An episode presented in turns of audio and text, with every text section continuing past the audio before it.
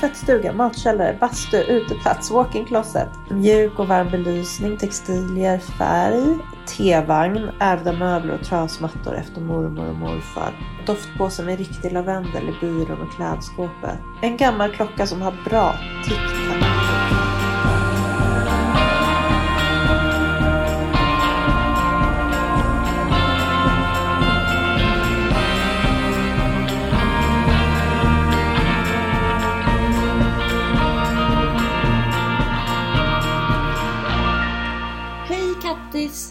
Hur mår du? Ja, men jag har ju blivit förkyld. Så jag ligger i sängen som du ser. Du ser ut som en sjuk konstnärinna i sån här vacker... Vi har nämligen Facetime igen då. Men i en vacker kimono med så här handmålad vägg i bakgrunden. ja, nu känns det bättre. nu känner jag mig som en blandning av Hilma af Klint och Tove Jansson. Förlåt, men när, vi, när du nu säger Hilma af Klint. Vet du vad jag såg svischa förbi i eh, flödet i morse? Eh, vet du, jag anar vad du menar. För jag har också sett det här i flödet. Mattor. Alltså med Hilma af Klints konst. Och lite så här för grälla färger och de såg lite billiga ut. Ja, men, och jag har ingen aning om det här i samarbete med stiftelsen Nej. eh, för Hilma, Hilma af Klints arv. Men jag bara tänker på eh, så här, något som jag verkligen hade respekt för på Svenskt Tenn var att man, att man där utgår liksom 100% Ja. från Josef Franks ritningar. Ehm, och har han ritat en tapet så är det en tapet, men inte så att man tar det mönstret och gör till en till exempel matta. Men brickor Alltså- däremot. Mm, det är en helt egen produkt, som han sa. Jag vill att ni gör många brickor i framtiden. Och servetter. När det blir billigt att tillverka sådana. Ja. Ja, nej men, ja, precis. Det är ju faktiskt touché eh, på det. Men mattor just, att, det jag reagerar på är att kliva på hennes konst. Att gå runt på hennes konst. Ja, på en arbetsplats jag jobbade på så hade vi en fest en gång på ett galleri Mhm. där det fanns mattor av hennes konst som jag tror var liksom sanktionerade etc. Det blev mycket spill där. Ja, nej. Ja, man gör som man vill och jag fattar att, att man kan känna åh vad härligt och vackert. Men jag, jag har hellre en billig liksom plansch från en utställning på väggen av henne ja. än en matta på golvet. Jag tycker det är intressant överhuvudtaget med liksom konstnärer och formgivares arv när, liksom, när de är döda. För det finns ju vissa... Till exempel tycker jag att liksom Stig Lindberg dyker upp på lite konstiga produkter och lite för... Alltså det känns inte kvalitetsmässigt som någonting som han Nej. hade kanske skrivit under på. Och då, då känns det konstigt för mig. Ja, jag håller faktiskt väldigt mycket med. Granit gjorde ju ett sådant samarbete där hans färgglada mönster plötsligt är granitbeige. Just det. Och sen också tryckta Eh. liksom och inte inpräntade, eller om man ska säga inbrända. Ja.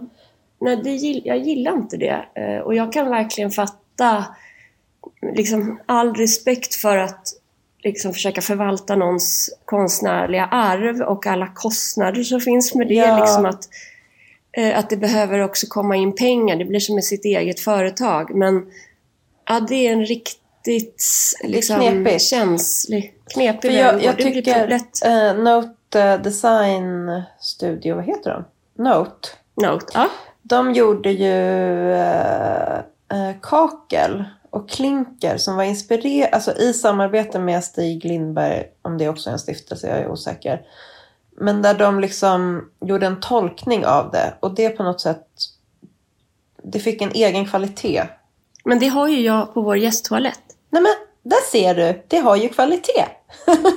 Ja, för det är tillsammans med Brickmate. Exakt. Eh, nej men och då har ju det kommit in några som förstår designen eh, och konstnärskapet eh, i Note. Och Brickmate eh, tillverkare. Och så blir det liksom en helhet. Precis. Då funkar det. Mm.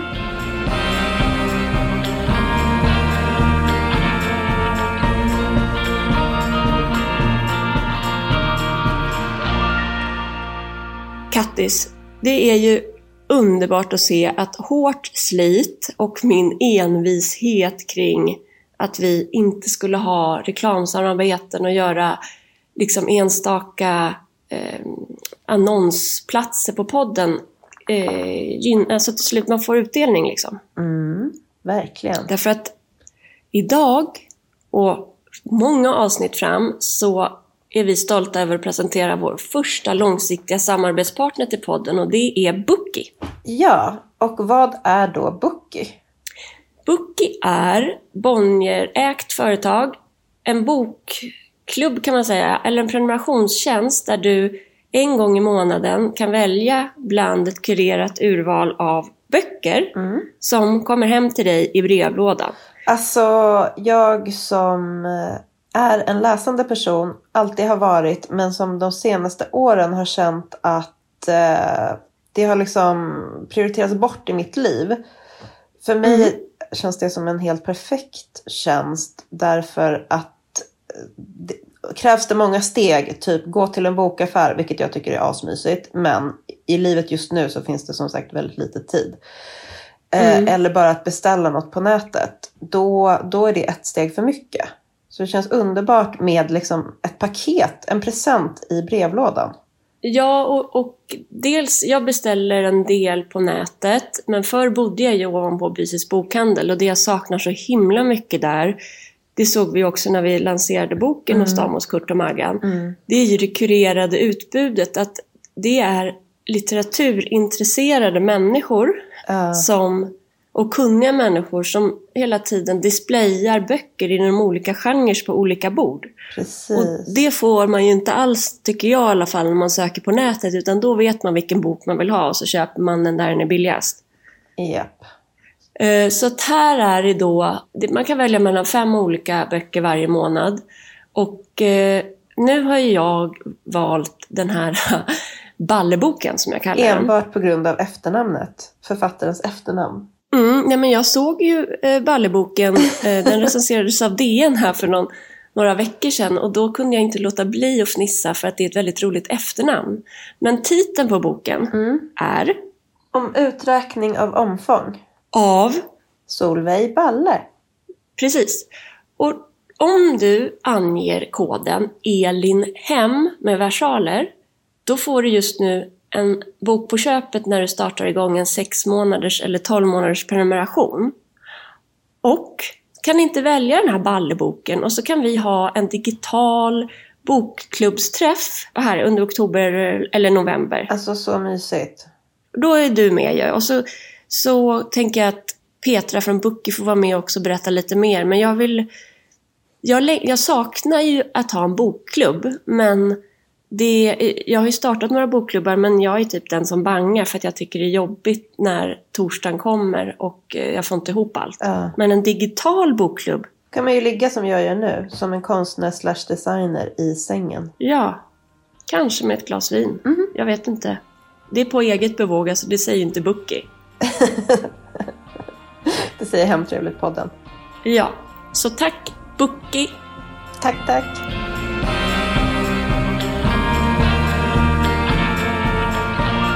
När vi ändå är inne på, på det här med böcker, Kattis. Mm. Får jag läsa lite för dig? Eh, Ja. Passar perfekt Jag tänker att det sjuk. ändå passar jättebra nu när du är sjuk. Underbart. Jo, men jag hörde om en skola i Lund igår på radion där man högläser för alltså gymnasieelever typ. Mm. Och att forskning visar att eh, det ökar intresset för litteratur med högläsning. Aha.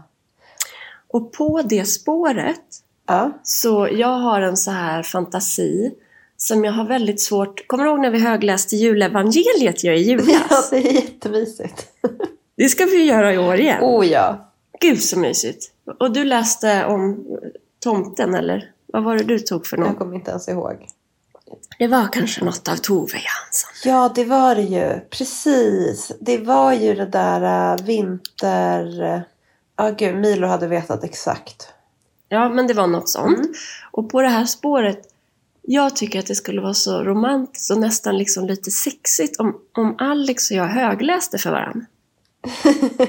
vet du, jag och Jacke när vi träffades, då var det faktiskt ändå som att du vet när man precis träffas och så ska man liksom etablera sin relation och så bara hittar man de här gemensamma sakerna som man delar. Ja. Eh, då läste vi högt Roald Dahls Häxorna. Alltså det var som att vi, Gulligt. vi återbesökte våra e- egna barndomar och liksom gjorde det till en gemensam barndom typ. Nej men gud vad fint och djupt.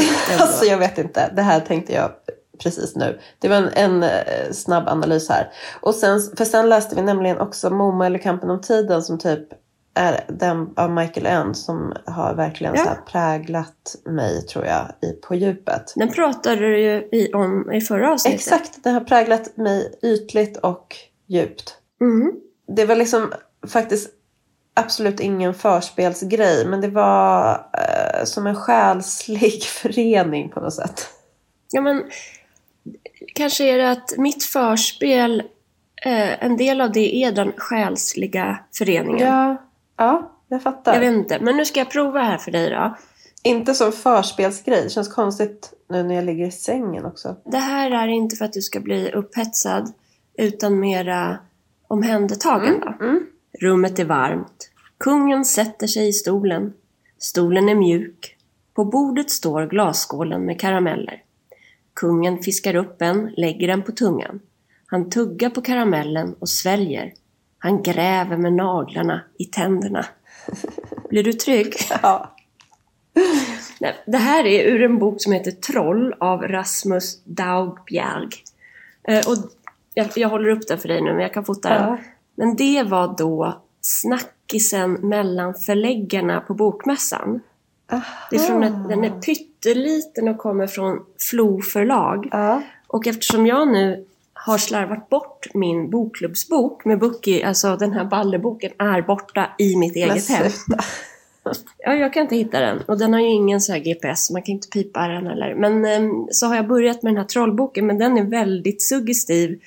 Eh, så jag tycker den är lite läskig. Men det är en sån bok som skulle vara perfekt att ha som bokklubbsbok. Ja. För den är smal och eh, skum. ja, verkligen. Och den kommer gå snabbt att läsa. Det Exakt. är bra. Men vad, du, blev du trygg av det där eller blev du rädd? Eh, jag blev inte rädd. Men däremot så kände jag ju precis hur det känns. Dels när man tuggar på en godis fast man egentligen ska suga på den. Och sen när man liksom pillar bort det med naglarna i tänderna. Ovärdigt. Mm, både liksom... Kanske som att man har gjort något lite förbjudet. The king is a dirty boy. Yes, nu kom det. so dirty.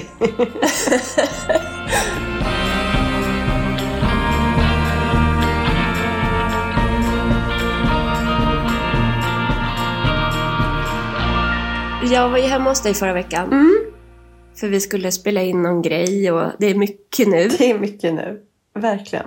Och då märkte jag ju live, jag har redan sett det här lite via Insta, men att du liksom älskar ditt hem igen. Ja, alltså du kan inte förstå, eller du är ju den som kan förstå, hur betydelsefullt detta är. Ja, men eh, det här kan ju låta helt fånigt då för någon som bara, men snälla någon, jag jobbar med SOS barnbyar, vad håller ni på med? Men Ja, om vi bara tittar på alla de där dagarna, alltså vardagarna i sitt hem mm. och att du utifrån sett har ett jättefint hem. Vad är det som har gjort att du, så länge jag har känt dig fram tills nyss då, vet jag, jag har jag ju märkt att du liksom, ni, du och hemmet har haft en kris. ja det är verkligen sant. Och vet du, alltså apropå så här snabba analyser så slog det mig häromdagen att eh, vi träffades ju ganska precis efter att jag hade sagt upp mig.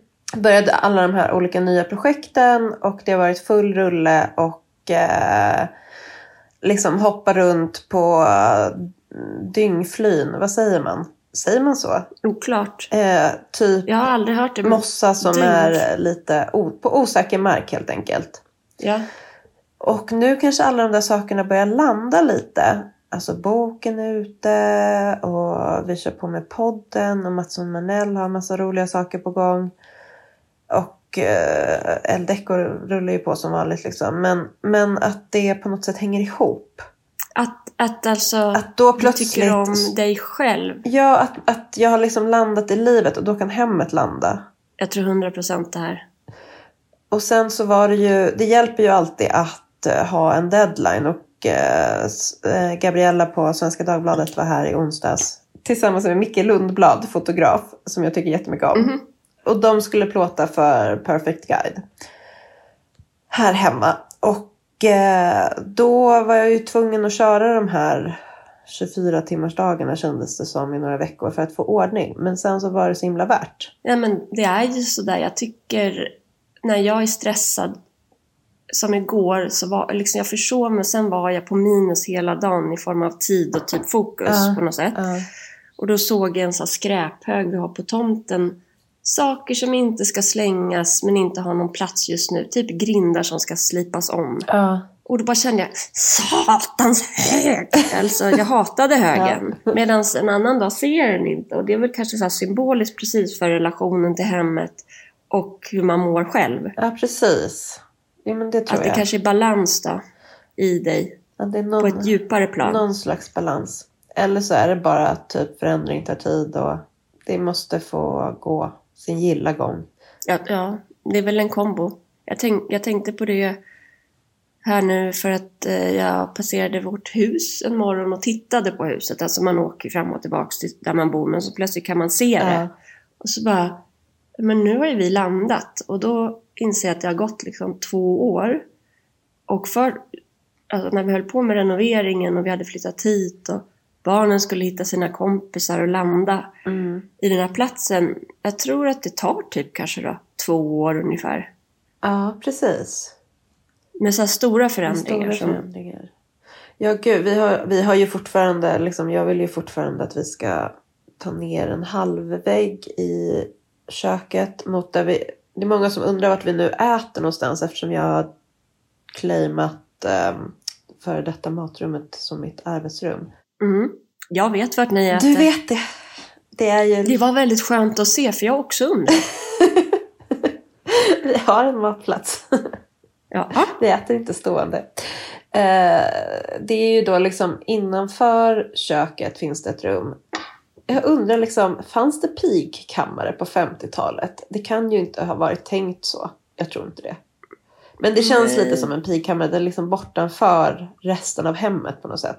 Mm. Eh, men om man får ner en vägg där och får in, det är i norrläge. Eh, och vårt hus ligger ju liksom i en sluttning neråt. Så att det kommer bli mycket ljusare om man får ner den där väggen. Och så kommer man kunna ha det här köket som man äter i. Alltså sit, eat in kitchen. Vad säger man? Ett vanligt kök. ja, jag tror att det kommer bli superbra. Ja. Och det bästa av allt var att, för du kommer ihåg för typ några veckor sedan när vi också skulle göra något, vi skulle intervjuas för TT. Då var det så här, jag bara nej, vi måste vara hos dig. Och nu var det så härligt. Hej Det är Semlan! semlan. Det är posten. Mm. Tyst! Tack, tack, tack. Tack. Shh.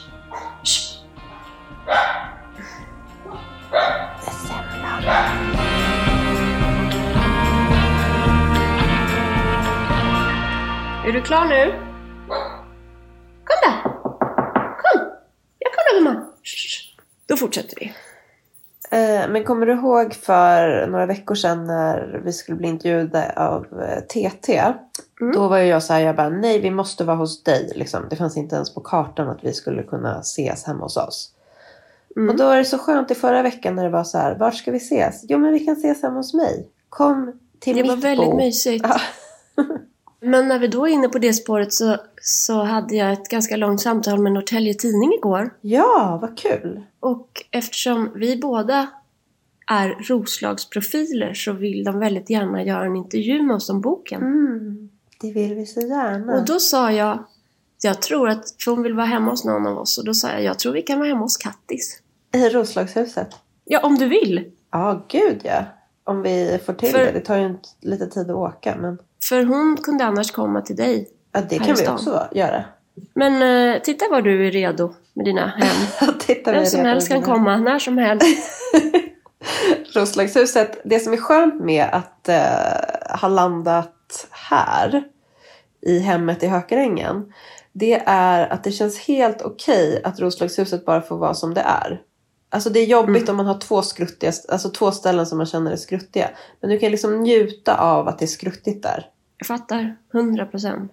Fast jag tycker fortfarande... Man vill liksom Jag tycker, man vill komma till något som är rent. ja, precis. Exakt. Och det tycker jag inte om att det fortfarande luktar, gam... det luktar konstigt i Roslagshuset. Men jag håller på att undersöka olika möjligheter. Ja.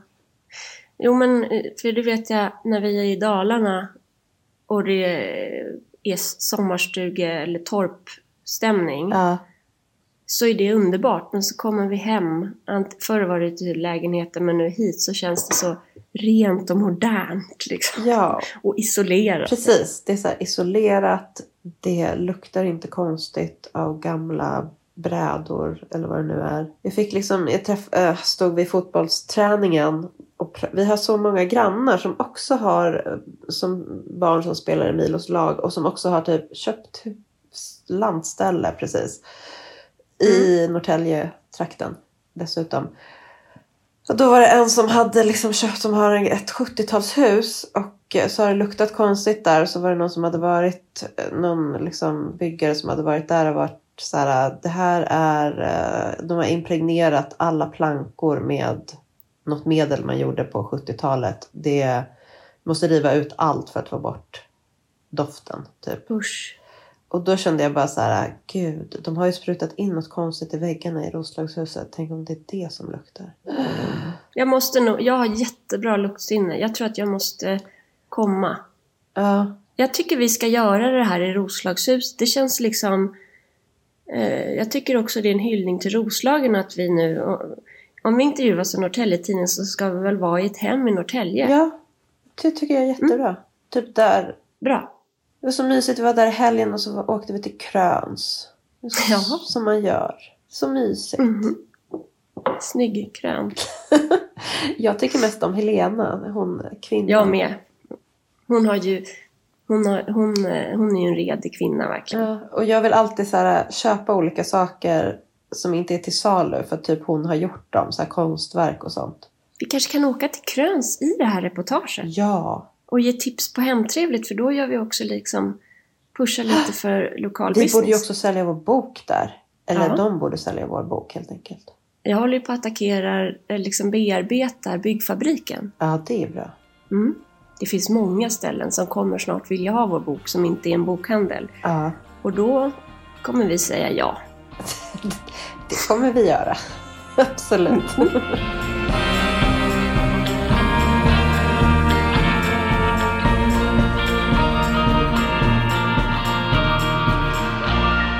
Vi har ju haft gäster eh, i några avsnitt nu som har fått tolka eller berätta om sina kopplingar till begreppet hemtrevligt. Mm. Så, Och det kommer vi fortsätta med. ja, det har varit så givande. Verkligen! Eh, nästa vecka har vi Evelina Kron med oss, konstnären. Ja. Men jag kände eh, att sist vi såg så var det på liksom livepodd och så innan det har det varit så, gästavsnitt. Så det var bara så mysigt att få prata med, med dig på riktigt. Ett, ett vanligt samtal. Jag känner precis likadant.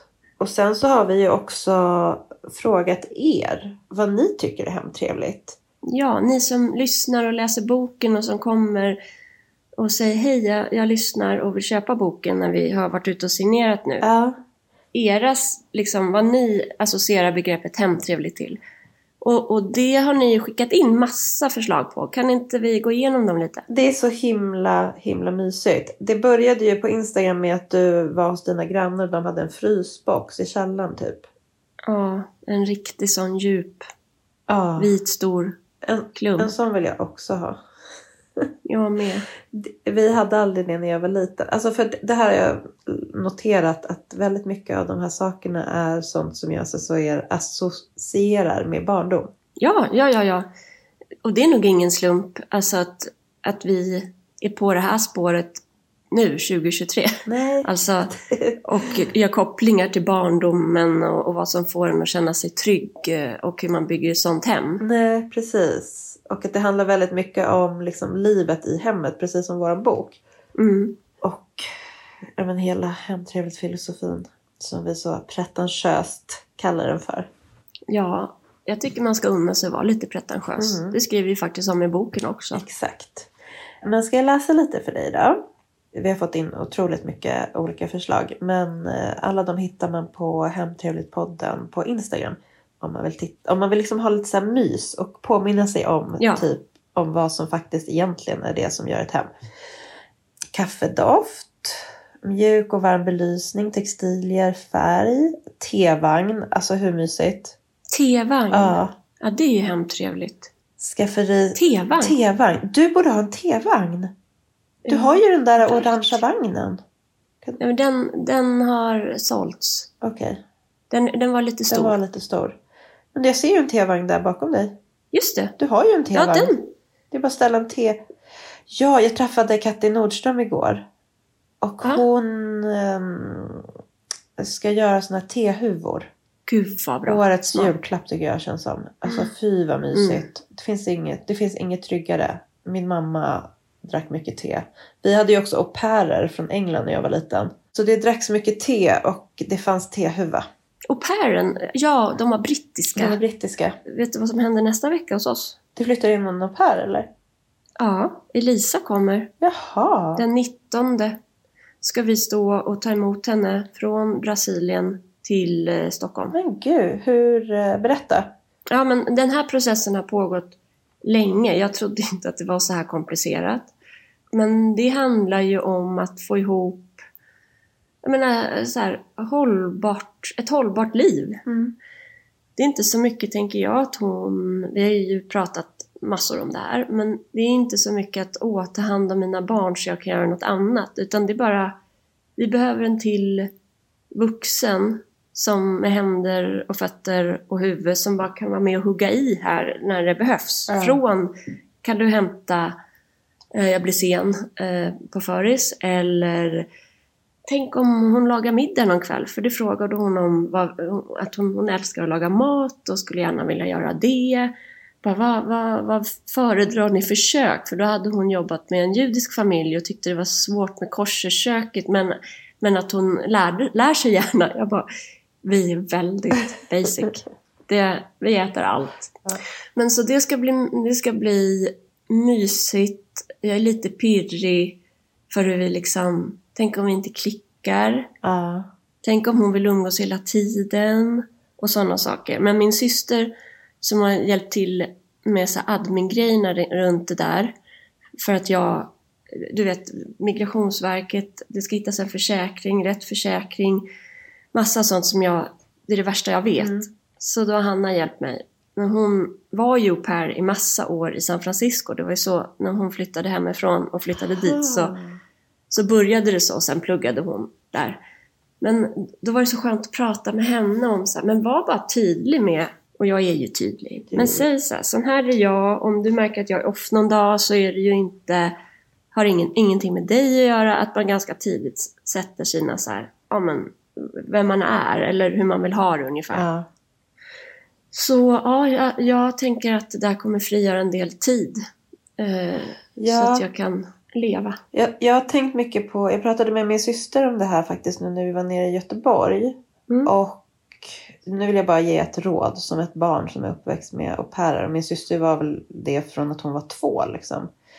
Eh, Mm. och hemma hos oss så handlade det om att eh, mina föräldrar båda två jobbade otroligt mycket. Och jag har alltid tänkt så här, min lyckligaste tid i livet var dagis. Och att det hade att göra med att jag gick på ett jättebra dagis. Men jag tror i efterhand att det hade kanske att göra med att jag då hade liksom min familj. Och sen hade jag en au pair. Mm.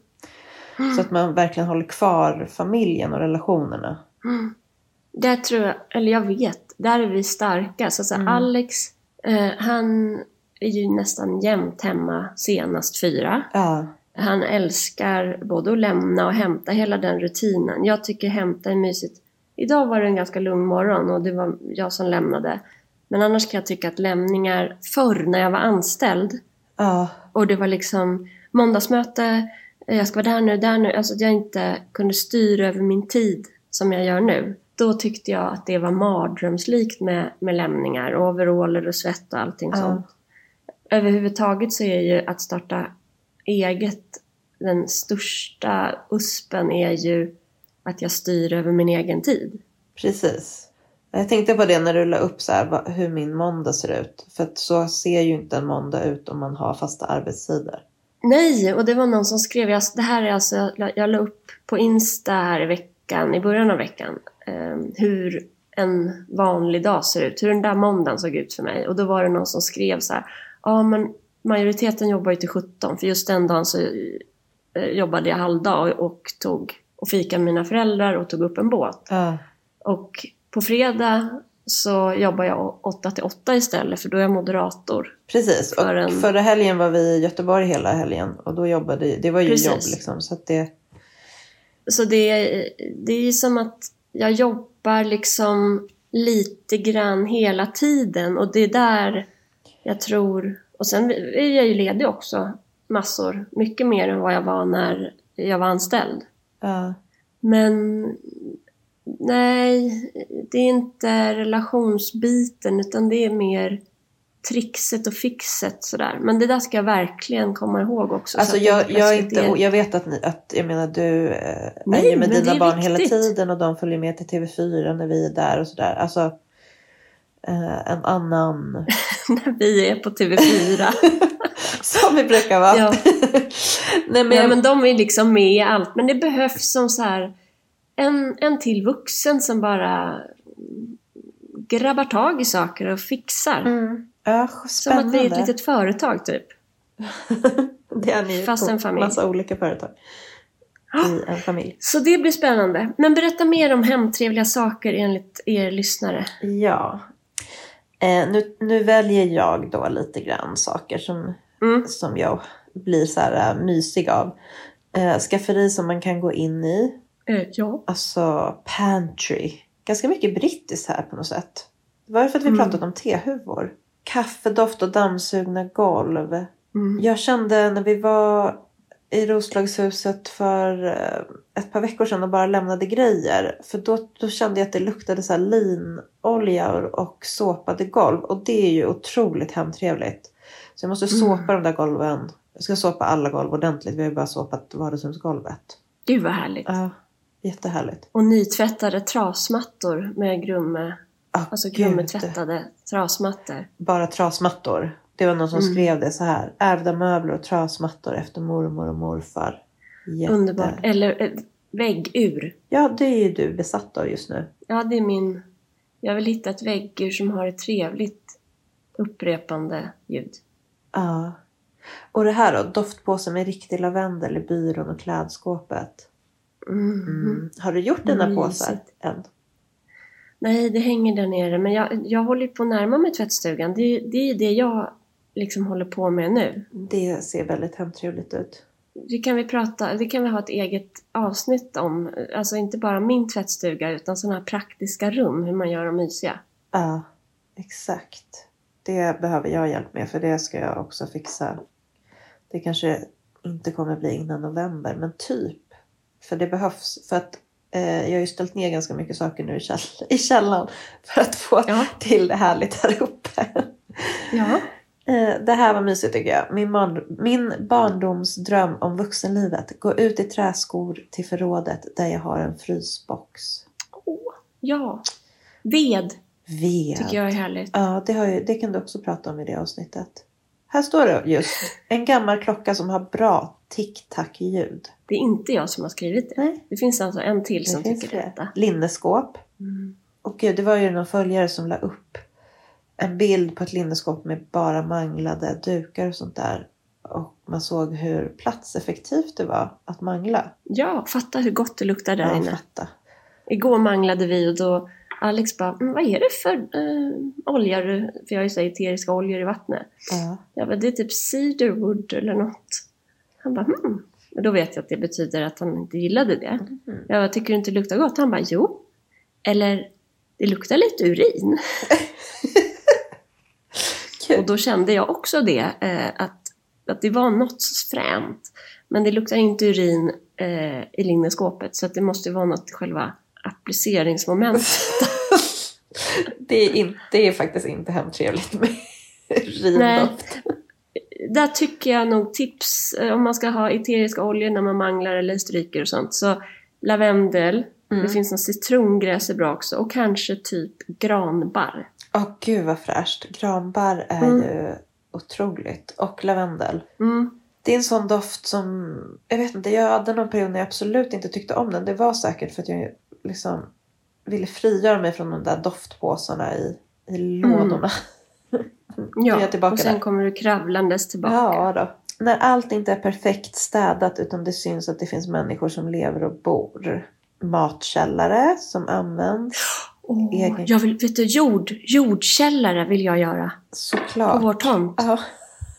ja, för då kan du förvara alkohol där. För det luktar ju väldigt Exakt. starkt. Ja, och eh, ja, men jag tänker mer saker. Allt sånt där. eh, Jag vet inte hur det ska gå till, men jag ska... Ja, en ha- halv, ett valv. Ja.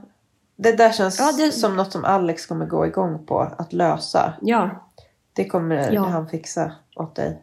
och en liksom redig trädörr typ. Och så ska det lukta där inne på ett sånt jordkällarvis. Ja. Böcker såklart. Tvättstuga, matkällare, bastu, uteplats, walk-in closet. Fast Walk-in closet, hemtrevligt. klädkammare säger vi väl då. då. Ja, då är det hemtrevligt. du har ju värsta walk-in closeten. Min klädkammare. En stickkorg bredvid soffan. Mm. Åh, matklocka. Farmor plingar alltid i en klocka. Försöker införa det hemma men vi är fyra på 86 kvadrat. Jag har eh, nog så gamla koklockor i missionshuset som jag har tänkt att jag ska ringa i från balkongen när maten är klar. Vänta här nu bara. Mm. Jag har, jag har ju det va. Men det blir liksom inte riktigt naturligt att hålla på med den här. Och det är lite samma som högläsningen att det, det ska liksom införas. Ja, det kommer inte naturligt. Nej, det, det är någonting... Det är mat. Vet du vad min pappa gjorde? De bara, eh, ja, eh, jag hör det. När jag var liten, då hade min pappa så här visselljud för han visslade som att vi var hundar. En... Det var Katarina Ja. och det var min syster Anna. då kom vi springande över gårdarna. Som små djur, som, Som en hund. djur. Alltså ganska långt upp i åldern. Gud vad mysigt. Ja, det var lite mysigt. Och så finns han inte mer. Är inte det konstigt? Det är jättekonstigt. Det är faktiskt väldigt konstigt. Hilma har ju någon idé om att så här, för hon låg ju i magen när han dog och då på något sätt måste ju de ha befunnit sig i samma sfär, tänker jag. När man är Mm. mellan liv och död på något sätt. Mm. Och då säger hon att, att hon bara, när jag var i min blomma, då var morfar Olle där. Alltså att hon, hon var i någon slags blomma då. Som är det som finns när vi inte finns på något sätt. Mellanrummet. Ja. Hon, hon använder ju liksom honom som en katalysator för eh, sorg. Så att om hon är lite ledsen, då är hon så här, hon bara Jag tänker på morfar Olle. Jag fick aldrig Mm. träffa honom. Och så kan hon gråta en stund och så liksom har hon en orsak att gråta. Det är väl bra. Det är, jätte, det är jättefint. Då är han med ju i vardagen även när man är trött för att man inte har ätit mellis eller slagit tån eller Ja, precis. är ensam. Exakt. Jo, och så han är ändå väldigt närvarande. Jag tror min äh, systers dotter Olga, hon har liksom också använt honom på det sättet. Att det är så här, när man känner sig ledsen så har man en konkret orsak Mm. som man kan skylla på. Det, det känns fint att han är närvarande. Och i bokhyllan. Och i bokhyllan. Och nu är han ju också i missionshuset jättemycket för vi tog ju dit alla hans verktyg. En sån där... Ja, och cashetvätten. ja en sån högtryckstvätt. Ja, då vill jag. Nu när ni lyssnar så är det fredag eller lördag eller söndag kanske. Och kanske är ni lediga. Och kanske har ni en högtryckstvätt som står. Ta in den i värmen. Vi ska tack och lov åka ut till landet igen i helgen. Då ska vi, för att vi har ställt den i något förråd. Men där är det ju Ja, det är livsfarligt. Ja, Då går de sönder. dumt. Ja, och eh, min granne han sa Tänk om pappa hade sett det här. För att han hade glömt sin liksom ute i ett förråd. Och min gick också sönder den förra. För att den hamnade ute i ett förråd.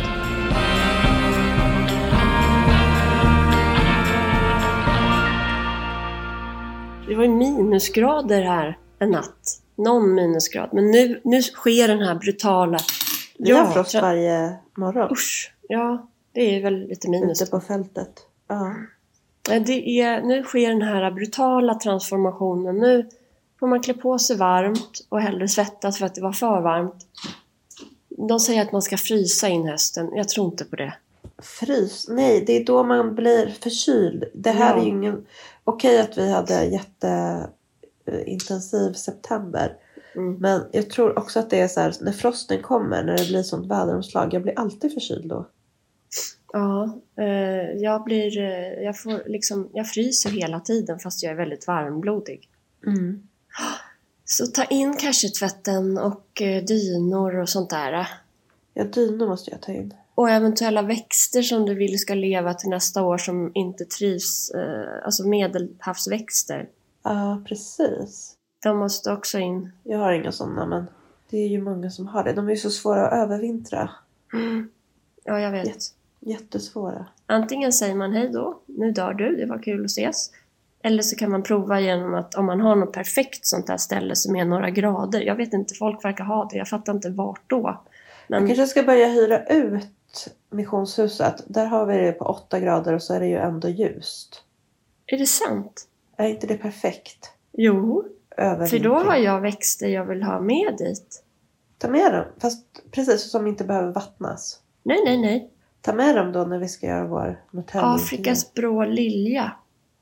Och blyblomman. Blyblomma låter så obehagligt tycker jag. Det känns som man ska bli förgiftad. jag vet.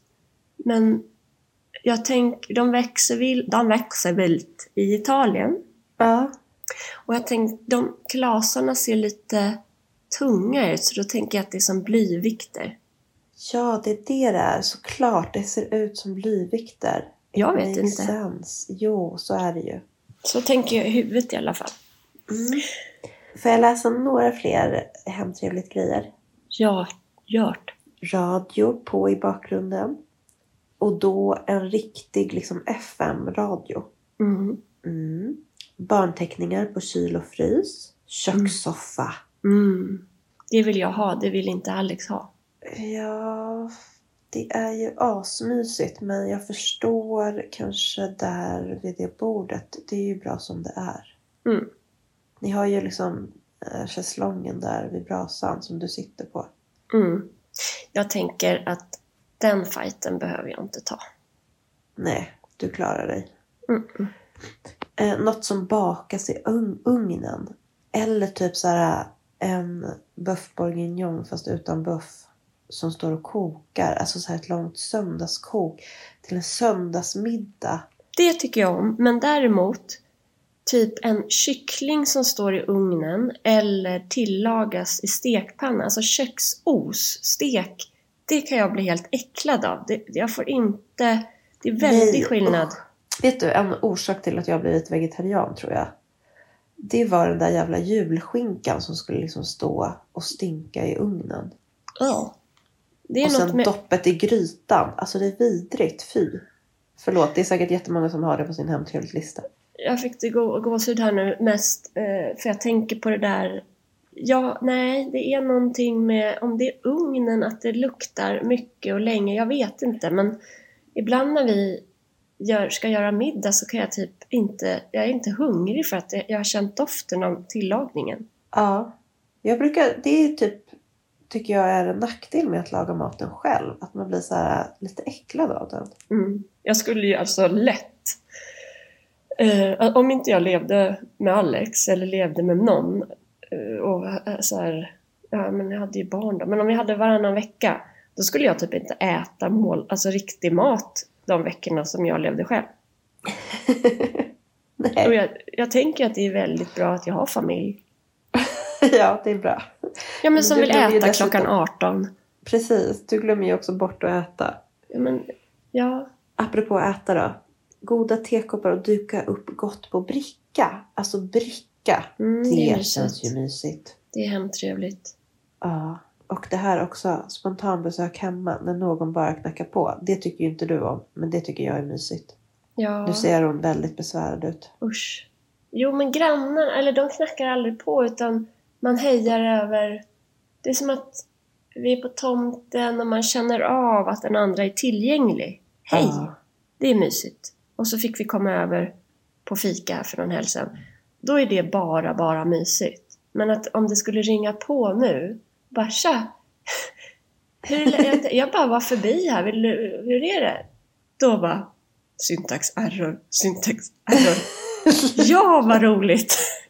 Ja, gud vad jobbigt det hade varit kände jag. Jag tycker det är jättemysigt när barnens kompisar kommer och knackar på. Men jag är ju den där mamman som typ går runt i morgonrock alltid. Ja, Det är lite, jag vet inte, det känns sådär kanske. mm. Men sån är jag. Ja. Jaha, men ska du vara sjuk hela helgen nu eller? Eh, nej, jag tänker att jag kanske blir frisk till helgen. Jag, om jag bara nu ligger, håller mig still i ett par dagar. Mm. Då kan jag väl bli frisk. Mm. Sen är det studiedag på måndag så vi tänkte att vi skulle vara i missionshuset fredag till måndag. Vad mysigt. Det känns jättemysigt. Men det betyder ju att jag egentligen borde jobba jättemycket nu. För att kunna vara ledig då.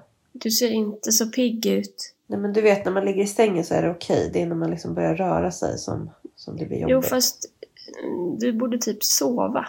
Kanske ska göra det. Så du blir Det frisk. känns lite skönt. Mm, det låter som en bra idé. Vi Mm. får se hur det går med den. Mm. Mm, vad ska du göra då? Eh, I helgen, eh, då har Alex skrivit in i kalendern Elin och Alex på hela lördagen dag. Så gud vad mysigt. mm, det ska bli mysigt. Jag är pytte, pytte, pytte, pytte lite besviken för jag vill hålla på på tomten, men det är ju väldigt oromantiskt. Så att jag ska bara embracea det här. Och sen är det någon Ja, bra. middag på söndagen och sådär. Och på lördagen. Ja, men det, jag tror att det blir en mysig helg. Jag känner just nu att oktober är typ den bästa månaden. Ja, jag vet inte. Det känns som att vi har gjort så mycket leveranser ihop och var och en för sig den här hösten. Så jag känner mig ganska lugn, fast jag har mycket jobb. Ja, Det tycker Jag jag, är också. skönt. jag tycker det är väldigt skönt när man känner att man är tillbaka. Alltså att det är så lite vardagslunk. Ja, ja, verkligen. Det är underbart. Det är verkligen underbart. Ja, men hoppas alla ni som lyssnar får en trevlig helg också. Verkligen. Gör det ni känner för innerst inne. Och ta in cashew-tvätten. Ja, det ska jag göra. Jag ska göra det. Jag måste skriva det i kalendern. Det är så sorgligt annars. Verkligen. Pappas högtryckstvätt. Exakt. Trevlig helg Kattis och krya på dig. Trevlig helg. Och trevlig helg alla ni som lyssnar. Hej då! Hej då.